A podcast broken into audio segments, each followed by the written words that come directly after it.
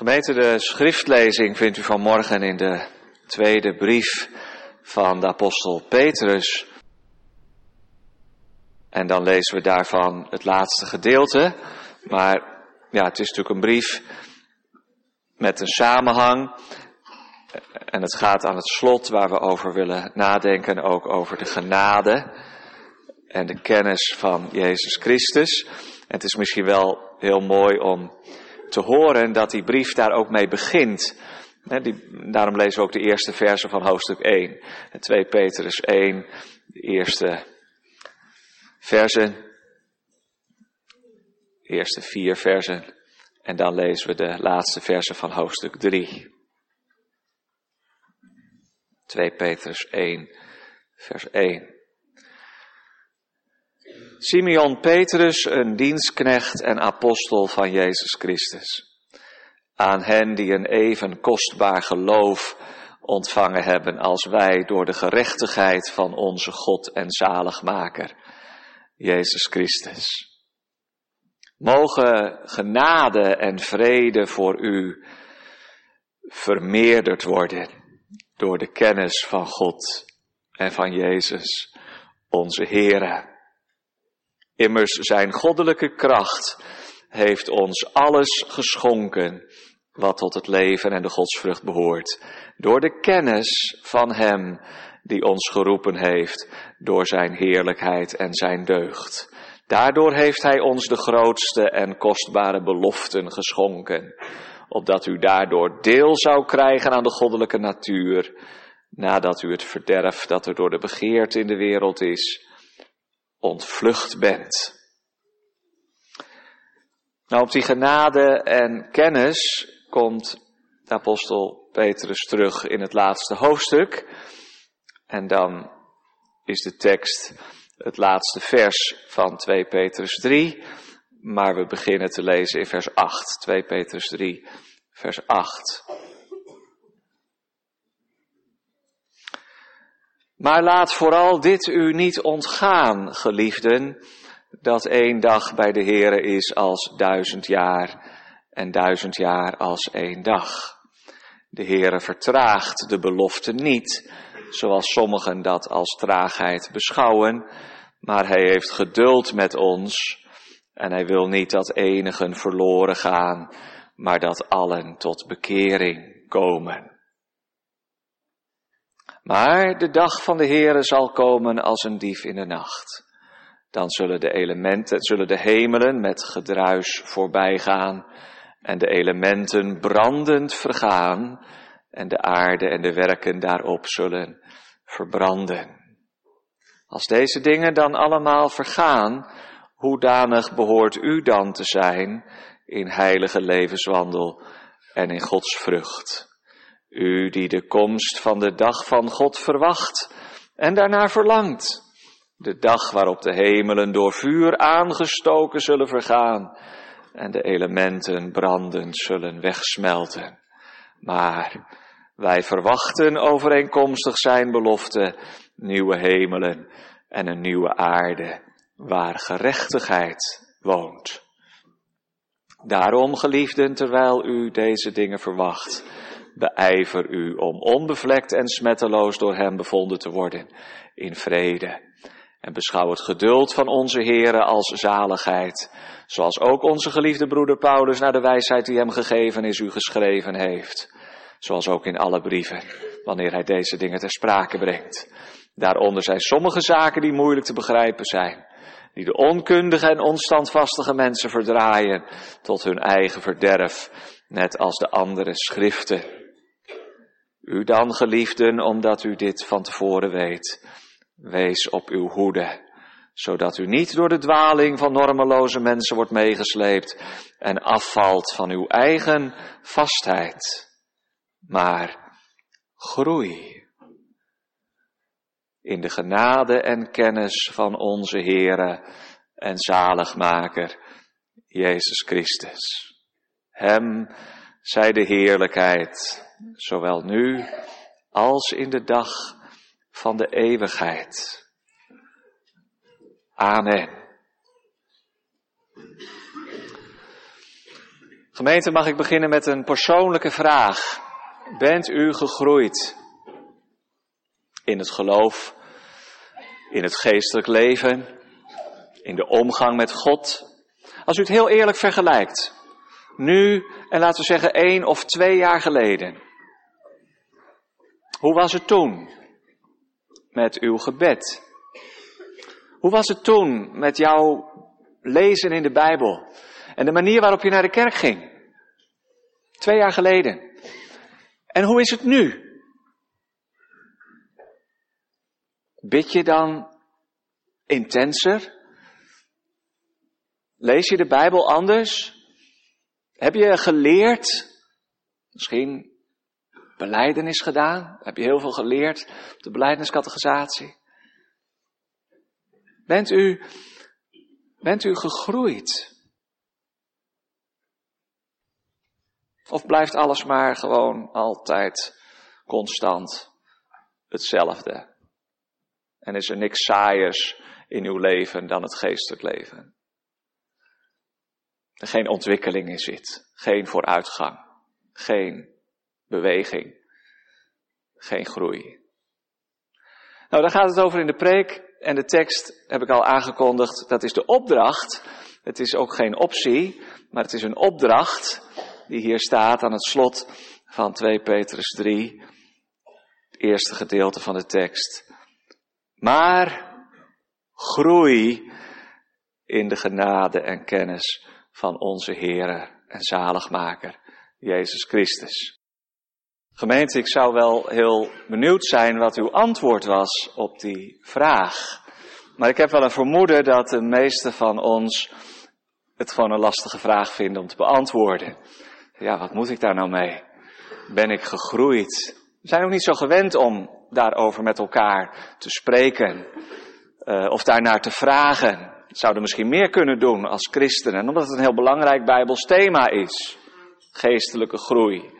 Maar ja, dat vraag je niet zomaar aan elkaar. Ben jij nou gegroeid? Ben ik gegroeid? Dat, ja, dat is niet de manier waarop wij dat gewend zijn. Denk niet eens op de, op de huisbezoeken. Het zou natuurlijk een mooie vraag zijn voor een huisbezoek. Is er geestelijke groei? Maar ja, ja dat zijn we niet zo gewend. En hoe, hoe zeg je dat dan? En hoe moet je zo'n vraag beantwoorden? Grote verlegenheid.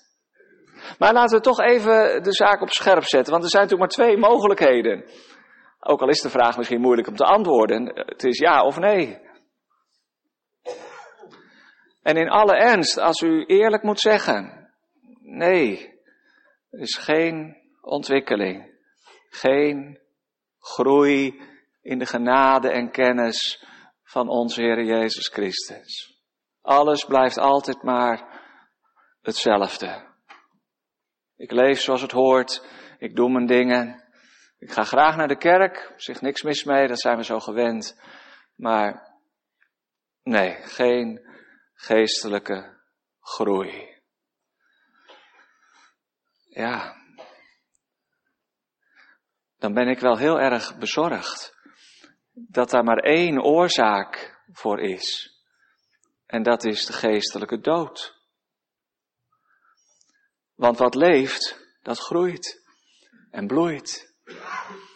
En als er geen groei is, hoe komt dat dan? Zijn we dan nog steeds dood in de zonde en de misdaden? Petrus waarschuwt hier ook heel ernstig voor. In de hele brief kom ik straks nog wel op terug. Gebrek aan geestelijke groei is een kenmerk van de huigelaar.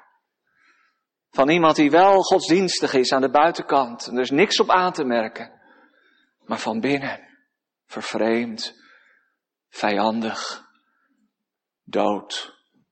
Geen levende verbinding met de Heer Jezus Christus en met zijn woord.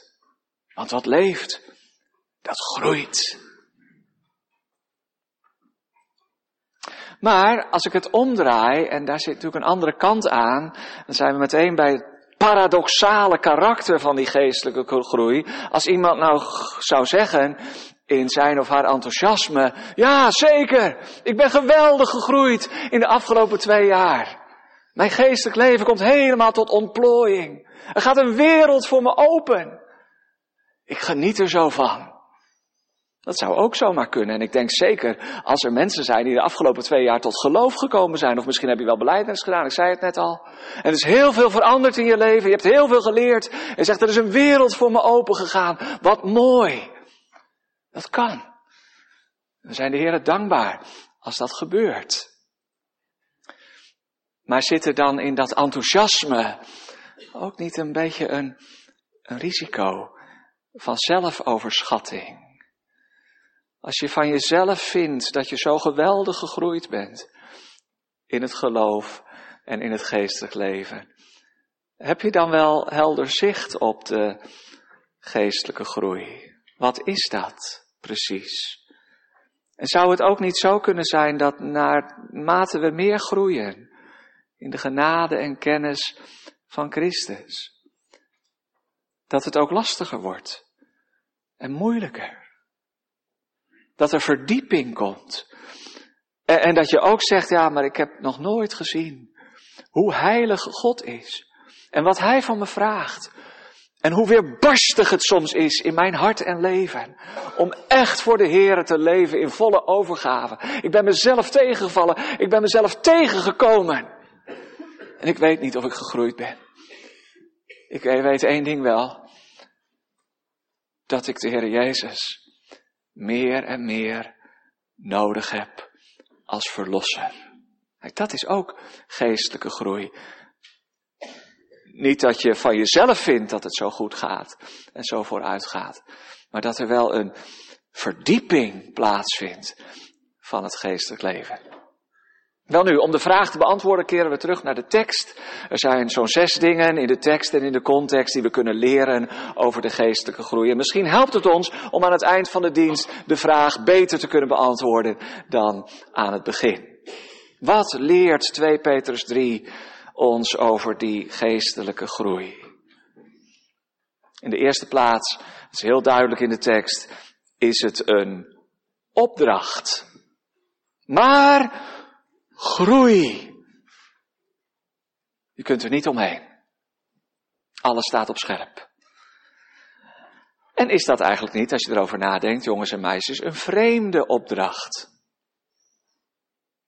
Zeggen papa en mama dat wel eens tegen jou? Je moet groeien. Ja, zeg je, daar kan ik toch niks aan doen. Dat gaat vanzelf. Maar hier staat het wel in de Bijbel. Je moet groeien. Wat bedoelt Petrus daar dan mee? Ja, je kan toch niet groeien? Je kan jezelf toch niet laten groeien? Je kan tegen, een boom toch ook niet zeggen je moet groeien? Dat, dat gaat vanzelf, want die boom die leeft en die groeit. Er zit dus een zekere spanning in. Wat bedoelt Petrus als hij hier toch heel nadrukkelijk de opdracht geeft?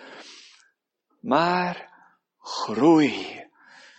Wat kun je daar dan aan doen? Je kunt jezelf niet laten groeien. Want het is het werk van de Heilige Geest. Het is het werk van Christus. Het is het leven door de Heilige Geest. Toch een opdracht. Nou, je kunt natuurlijk wel dingen doen die de groei belemmeren. Of andere dingen doen die gezond zijn en goed zijn voor de groei. Als je verkeerd eet, te veel of te weinig, dan groei je niet of je groeit te hard op een verkeerde manier. Maar je moet letten op je voedsel. Voor die lichamelijke groei, dat is heel logisch. En zou het geestelijk dan anders zijn? Zouden we niet de middelen moeten gebruiken en het voedsel van het woord van God het gezonde voedsel, eten en drinken, luisteren naar de verkondiging, lezen van de Bijbel. Het winterwerk is weer begonnen, de Bijbelstudies op de verenigingen in de Bijbelkringen. Het zijn allemaal, kortom, middelen die we mogen en moeten gebruiken. We kunnen onszelf niet laten groeien. Dat is leven. Dat gaat vanzelf of het gaat helemaal niet. Maar we kunnen er wel wat aan doen. Het is ook een opdracht. We kunnen namelijk de middelen gebruiken die God gegeven heeft. En daar zijn we ook verantwoordelijk voor. En, wat misschien nog belangrijker is, alles wat de groei verhindert en in de weg staat, kunnen we wegdoen. Jezus spreekt daarover. Wat spreekt Jezus vaak over groei? Met de beelden in de gelijkenissen van het mosterdzaad. Dat tot een grote struik wordt, waar de vogels zelfs in nestelen. Het zaad in de akker dat gestrooid wordt. En het groeit wel. Soms groeit het heel hard, maar het groeit niet naar beneden. Dat heeft geen wortels. En dat andere zaad dat groeit wel, maar er is ook onkruid in die akker. En dat onkruid groeit veel sneller. En al de voedsel, voedingsstoffen in de bodem worden weggetrokken door het onkruid. En het licht kan niet meer schijnen op het plantje. En het groeit niet meer, maar het kwijnt weg. Omdat er zoveel dingen zijn die de groei belemmeren. En er is geen vrucht. Wat een ernstige waarschuwing. Hoeveel onkruid is er nog in ons leven, waardoor het goede zaad van het woord verstikt wordt. Maar groei, dat betekent ook schoffelen. Onkruid in ons leven wegdoen. En wat zijn dat dan voor dingen? Jezus noemt geen grote zonden. Natuurlijk moeten we tegen elke zonde strijden. Maar hij zegt dat zijn vooral de zorgvuldigheden van dit leven. Met andere woorden, waar maak je zo druk om? Waar maak je je zorgen om? Je bent zo druk bezig met al die dingen die op zichzelf niet verkeerd zijn en zondig zijn, maar die je eigenlijk afleiden van de concentratie op het koninkrijk van God, op het woord van God.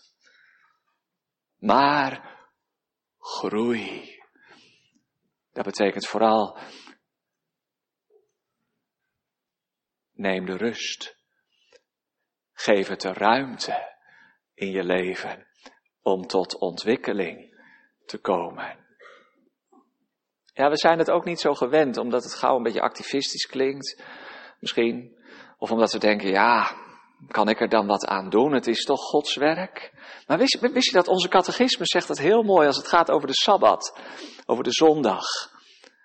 Dat wij al de dagen van ons leven rusten van onze boze werken, niet alleen op zondag. Het is elke dag Sabbat. En staat er dan heel mooi dat wij God door zijn geest in ons laten werken. Eenvoudiger kan ik het eigenlijk niet zeggen. Het is een opdracht om God door zijn geest in ons te laten werken. Krijgt de Heere God de tijd en de ruimte in jouw leven, in uw leven, om zijn reinigende en vernieuwende werk te doen? Of is er eigenlijk geen ruimte in onze agenda, geen ruimte in ons huis, geen ruimte in ons hart om te groeien? Je hoeft het niet zelf te doen. Het is Gods werk. Maar je kunt het wel verhinderen en tegenwerken. En dat doen we ook zo vaak, omdat we niet aan die opdracht beantwoorden. Dus we laten het maar gewoon staan, als een goddelijke opdracht. We komen er niet omheen. Maar groei. In de tweede plaats, dat valt eigenlijk ook op als je die tekst op je in laat werken, is het een contrast. Er staat het woordje maar hey, dat nodigt ons natuurlijk uit om even te kijken naar het verband, naar de tekst die daaraan vooraf gaat. En, en daar staat in het laatste vers, apostel Petrus is op hoge leeftijd gekomen en hij schrijft deze laatste brief, ook wel zijn testament genoemd. En hij is heel bezorgd, want hij zegt, wees op uw hoede dat u niet door de dwaling wordt meegesleept. Maar groei. Daar hebben we dus een heel belangrijke reden voor die opdracht. Als we niet groeien, dan worden we gemakkelijk meegesleept door de dwaling. En in het verband van de hele brief noemt hij die dwaling van die normeloze mensen ook. En hij legt dat uit, dat er mensen zijn die zeggen het maakt eigenlijk niet uit hoe je leeft. En dat er zelfs mensen zijn die door die dwaling zijn omgevallen of afgevallen van de vastigheid van hun geloof in Jezus Christus. Hij is bezorgd voor de gemeenten waar hij aan schrijft. En het enige middel om voor dwaling en afval en omvallen behoed te worden, dat is dat de christen in beweging blijft, in ontwikkeling blijft. Maar groei, want stilstand is achteruitgang en stilstand is heel gevaarlijk. Hebben jullie jongens en meisjes een tol? Zo'n groot of misschien zo'n klein handtolletje op tafel. Dan draai je tussen je vingers heen en weer. En met een hele snelle beweging gaat die tol over de tafel of over de grond. Hoe kan dat? Waarom valt hij niet om? Ja, dat is zo. Leer je later op de middelbare school misschien wel bij natuurkunde. Het heeft met krachten te maken. Ja, die, die, die tol die blijft staan, hè? Zolang als die draait. Want als die heel langzaam gaat draaien, dan, ja, op een gegeven moment, dan is het op. En dan valt hij om. Nou moet je als christen natuurlijk niet rondjes gaan draaien, dat begrijp je, maar je moet wel in beweging blijven. Zolang een christen blijft bewegen, groeien, staat hij. Maar als de energie eruit is en het stopt, dan kun je ook gemakkelijk vallen voor de dwaling. De dwaling van normeloze mensen, staat hier. Wie Petrus daar precies mee op het oog had, weten we niet, maar het is wel heel actueel. Het zijn ook in onze tijd, in de eindtijd, waar Petrus hierover schrijft, normeloze mensen. Het is eigenlijk heel aantrekkelijk om te denken dat het niet uitmaakt wat jij gelooft en wat jij vindt. Omdat er toch eigenlijk geen vaste waarheid is, weet je. Jij gelooft dat. En jij denkt dat. En als jij je daar nou prettig bij voelt, ik heb er geen moeite mee. Prima. Fijn. En, en, misschien zelfs, ja, zouden mensen zeggen, ik wou dat ik ook zoiets had, maar ik heb dat niet. En zo wordt het geloof heel gauw in onze cultuur, in onze tijd, tot een heel subjectief, persoonlijke visie op de werkelijkheid. Het is jouw mening, het is jouw visie, het is jouw waarheid. Ja, in zekere zin hebben ze natuurlijk gelijk. Het is iets heel persoonlijks. Je kunt het niet afdwingen en niet opleggen. Moeten we ook niet gaan proberen. Het is een persoonlijk doorleefd geloof. En toch zit daarachter iets van een groot relativisme, normeloosheid. Er is eigenlijk geen vaste norm en geen vaste waarheid. En zo zien we ook jonge mensen, of meer nog dertigers, mensen op middelbare leeftijd, opeens omvallen. En het geloof waar ze altijd maar mee bezig geweest zijn, blijkt niet zo heel veel diepgang en inhoud te hebben. Want als je er niks meer aan doet, verandert er eigenlijk niet zoveel in je leven. En je het eigenlijk helemaal niet nodig. Er zijn voorbeelden. Meer dan ons lief is. En het maakt ons bezorgd om juist de nadruk te leggen in onze tijd op de noodzaak van verdieping. Dat je weet wat je gelooft. Dat je weet dat het belangrijk is de noodzaak van die persoonlijke, doorleefde relatie met God, met de Heer Jezus. Want anders dan zien we ze straks met bosjes omvallen, zodra de energie eruit is. We hebben geen kracht meer om staande te blijven voor de dwaling van normeloze mensen. Wat erg. Aan de buitenkant zie je er niet zoveel van. Het lijkt allemaal in orde. Maar opeens blijkt het leeg te zijn. Maar groei in de genade en kennis van onze Heer Jezus Christus. Maar één middel, één voorzorgsmaatregel, één medicijn tegen die afval, tegen die dwaling. Dat is verdieping, dat is groei in de genade en kennis van onze Heer Jezus Christus. Wat is het vooral belangrijk in onze tijd? Dat we het niet maar een beetje laten zitten en niet te snel tevreden zijn als alles maar voortkabbelt. Maar dat er verdieping is. Dat we de middelen gebruiken. Dat we groeien in de genade en kennis van Christus. Het is een opdracht, het is een voorzorgsmaatregel of een medicijn. Het is een contrast. Het is urgent. Het is in de derde plaats, dat zie je niet in de tekst, in de vertaling, ook een meervoud. Dat vond ik heel mooi bij de voorbereiding van de preek. Dat was me nooit zo opgevallen. Eigenlijk zou er moeten staan, maar goed, we hebben nou eenmaal de herziene statenvertaling. En in het moderne Nederlands maken we dat onderscheid niet meer. Maar, er zou eigenlijk kunnen staan, maar groeit in de genade en kennis van Christus. Nou, die T die hebben we afgeschaft zo'n twintig jaar geleden. Namelijk een meervoudsopdracht, een meervoudsimperatief, een meervoudsbevelvorm met een T erachter. In de oude Statenvertaling stond nog maar wast op in de genade en kennis van Christus. Die T betekent dan, het is meervoudsvorm. En wij zien dat niet meer in deze vertaling, maar het is wel goed om het te weten. In het Grieks, het is natuurlijk ook wel logisch, want Peter spreekt tot de gemeente in het meervoud, maar hij zegt eigenlijk, jullie moeten samen groeien. Het is niet iets individualistisch. Ben ik nou gegroeid? Is misschien een verkeerde vraag. Ik zou beter kunnen zeggen, is de gemeente van Krimpen gegroeid? Zijn er mensen bijgekomen? Misschien uit de wereld, zonder kerkelijke achtergrond. Wat is het mooi als het evangelisatiewerk gezegend wordt. Zijn er jongeren die beleidenis doen en enthousiast zijn voor de dienst van de Heer? Wat is dat mooi als er groei is in de gemeente. In aantal. Maar ook in diepgang. Het is niet gezond als een van de lichaamsdelen alleen groeit.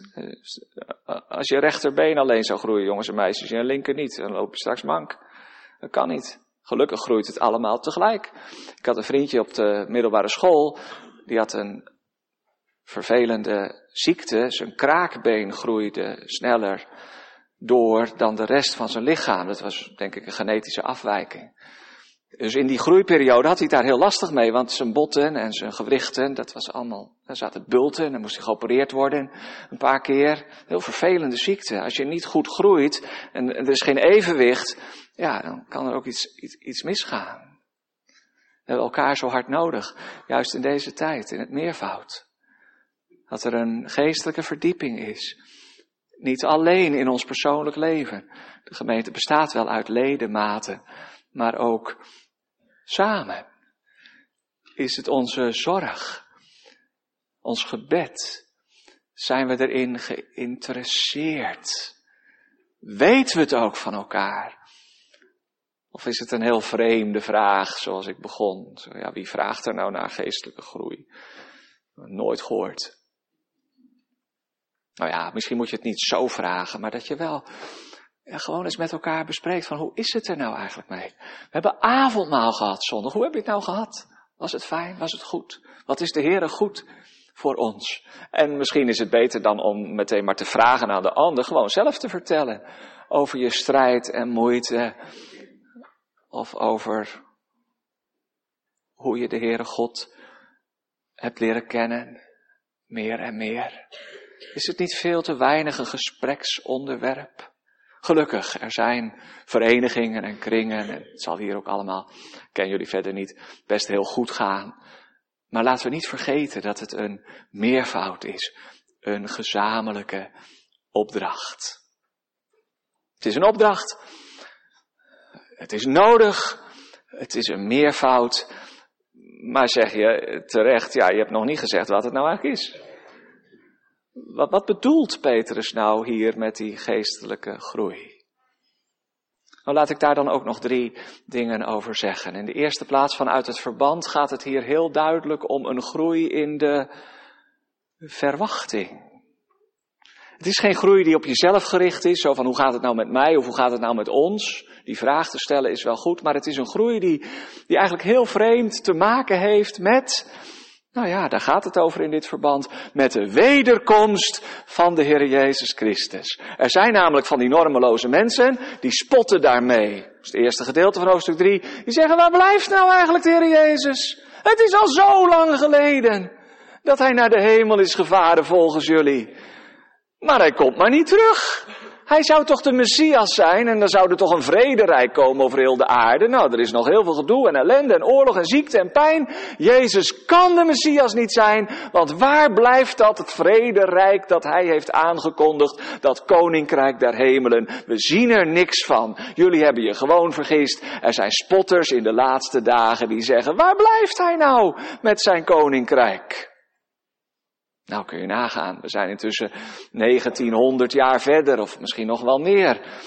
En dan geldt het in onze tijd helemaal natuurlijk dat je zegt, nou ja, wat zien we er nou van?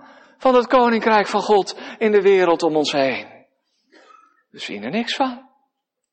Nou ja, niks. Dan moet je wat verder kijken. Naar binnen kijken.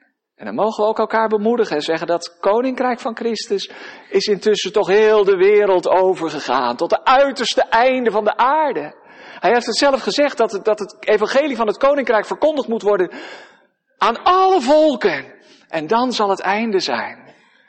En als we nagaan hoe de kerk in China groeit, explosief, ja, dan moet het wel zo zijn dat er dagelijks duizenden mensen tot geloof en bekering komen. Niet alleen op zondag waar ik net voor bad, maar dagelijks komen er in India, China, in, in die grote landen, duizenden christenen bij die hun leven overgeven aan de Heer Jezus Christus. Wij mogen dat in het Westen, waar het best moeilijk is met de kerk en in Nederland, niet uit het oog verliezen.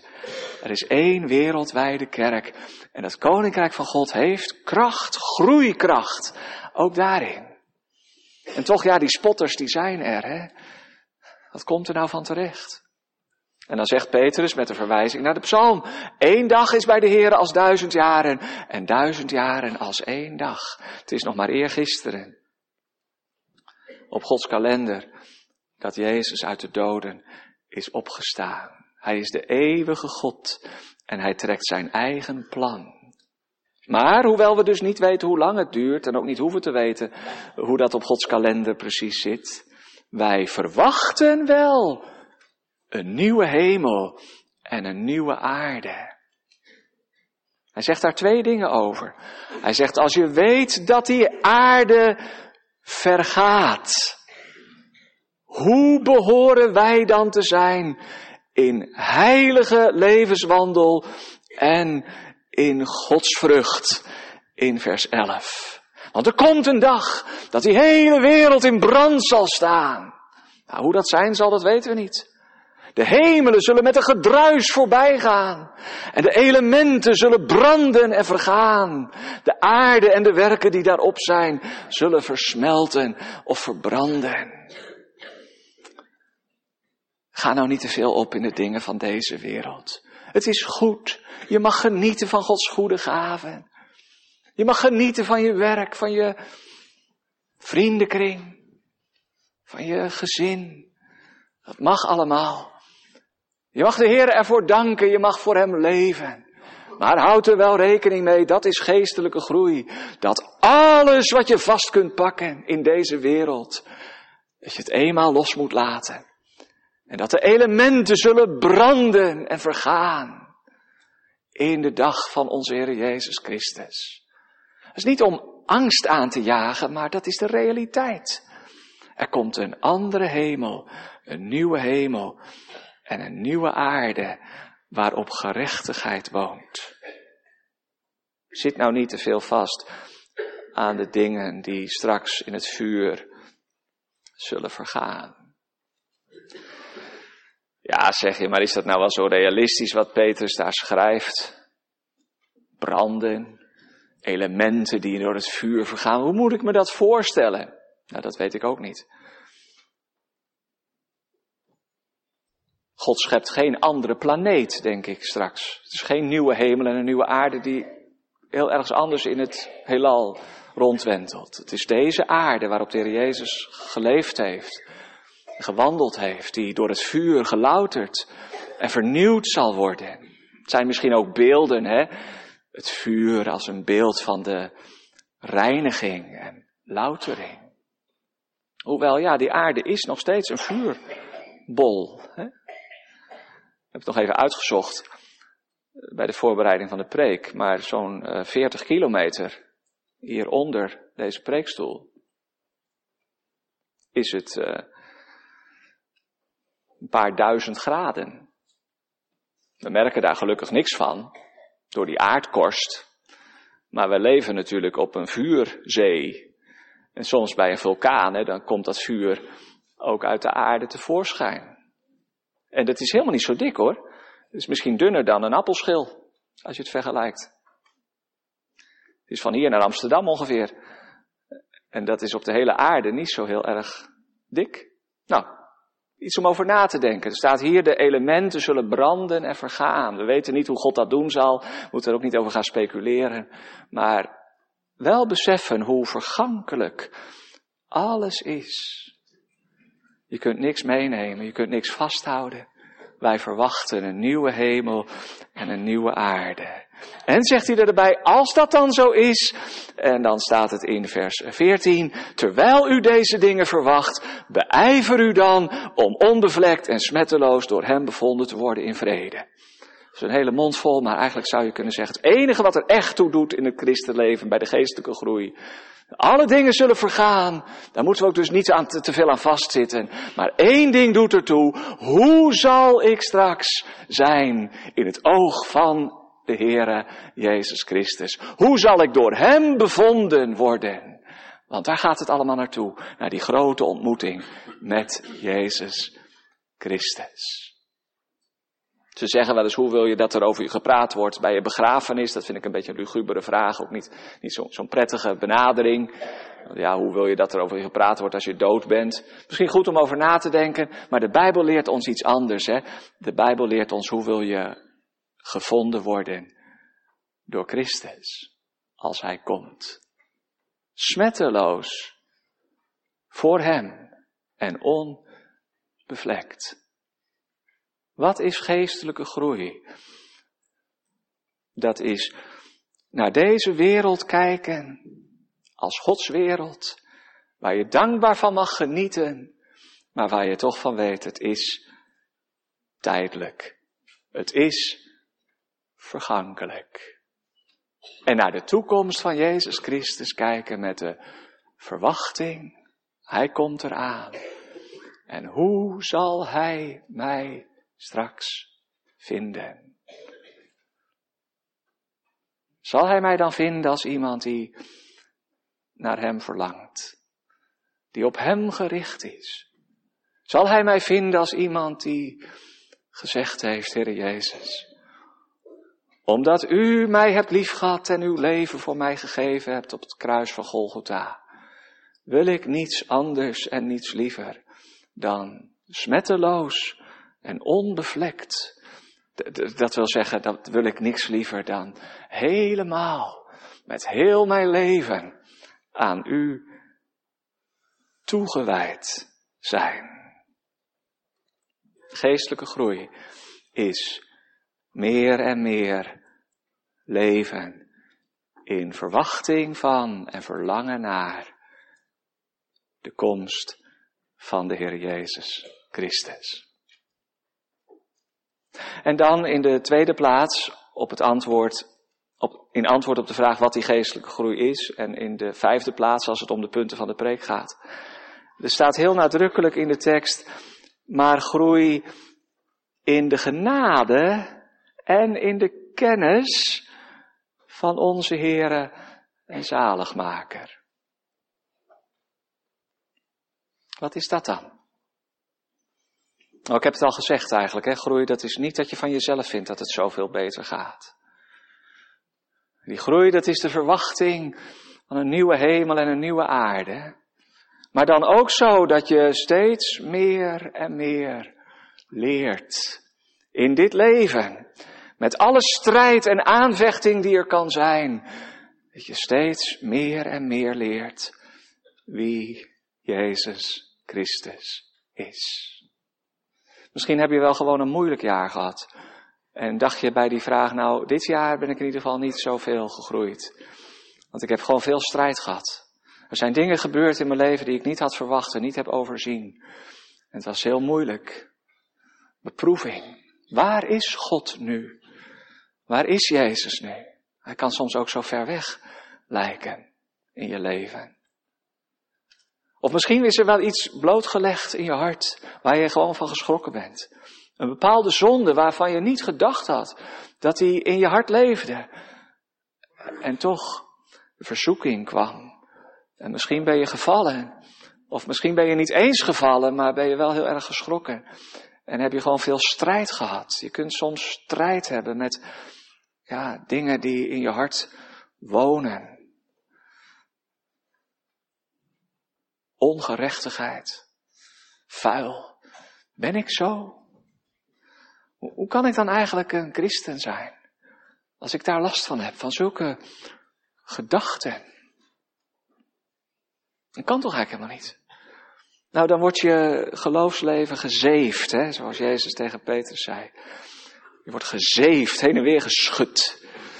Ja, nou, dit jaar ben ik niet gegroeid. Ik heb gewoon een moeilijk jaar gehad. Nou, misschien moet je er toch iets anders tegen aankijken en niet te veel kijken naar jezelf. Maar dan zou ik willen zeggen, heb je nou juist in die moeite en in die strijd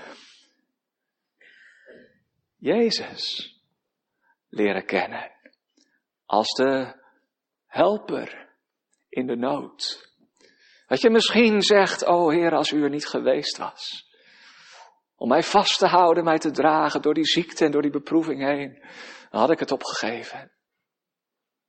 Of dat je geconfronteerd misschien met de vuiligheid van je eigen hart en gedachten, de strijd. Of toen je struikelde en viel in de zonde. Ja, dan is er wel een breuk. En er is verdriet en berouw. Maar toch, Heere, u bent gekomen, u hebt mij als het verloren schaap opgeraapt en op uw schouders gelegd. En u was blij dat u mij gevonden hebt. Dat je, nou ja, misschien niet eens zo heel diep door de diepte heen, maar dat je gewoon in het leven meer en meer, hoe staat het in de tekst? Kennis en genade van Jezus Christus, onze Heere en zaligmaker. Heere, nooit geweten dat u zo trouw bent. Heere Jezus, ik heb nooit geweten dat u zoveel geduld met mij zou kunnen hebben. Ik heb nooit geweten dat u zo zou zijn. Dat is gemeente groeien in de genade en kennis van onze Heere, Jezus Christus. Dan is het dus niet de vraag, wat vind je van jezelf, want dat valt vast wel tegen.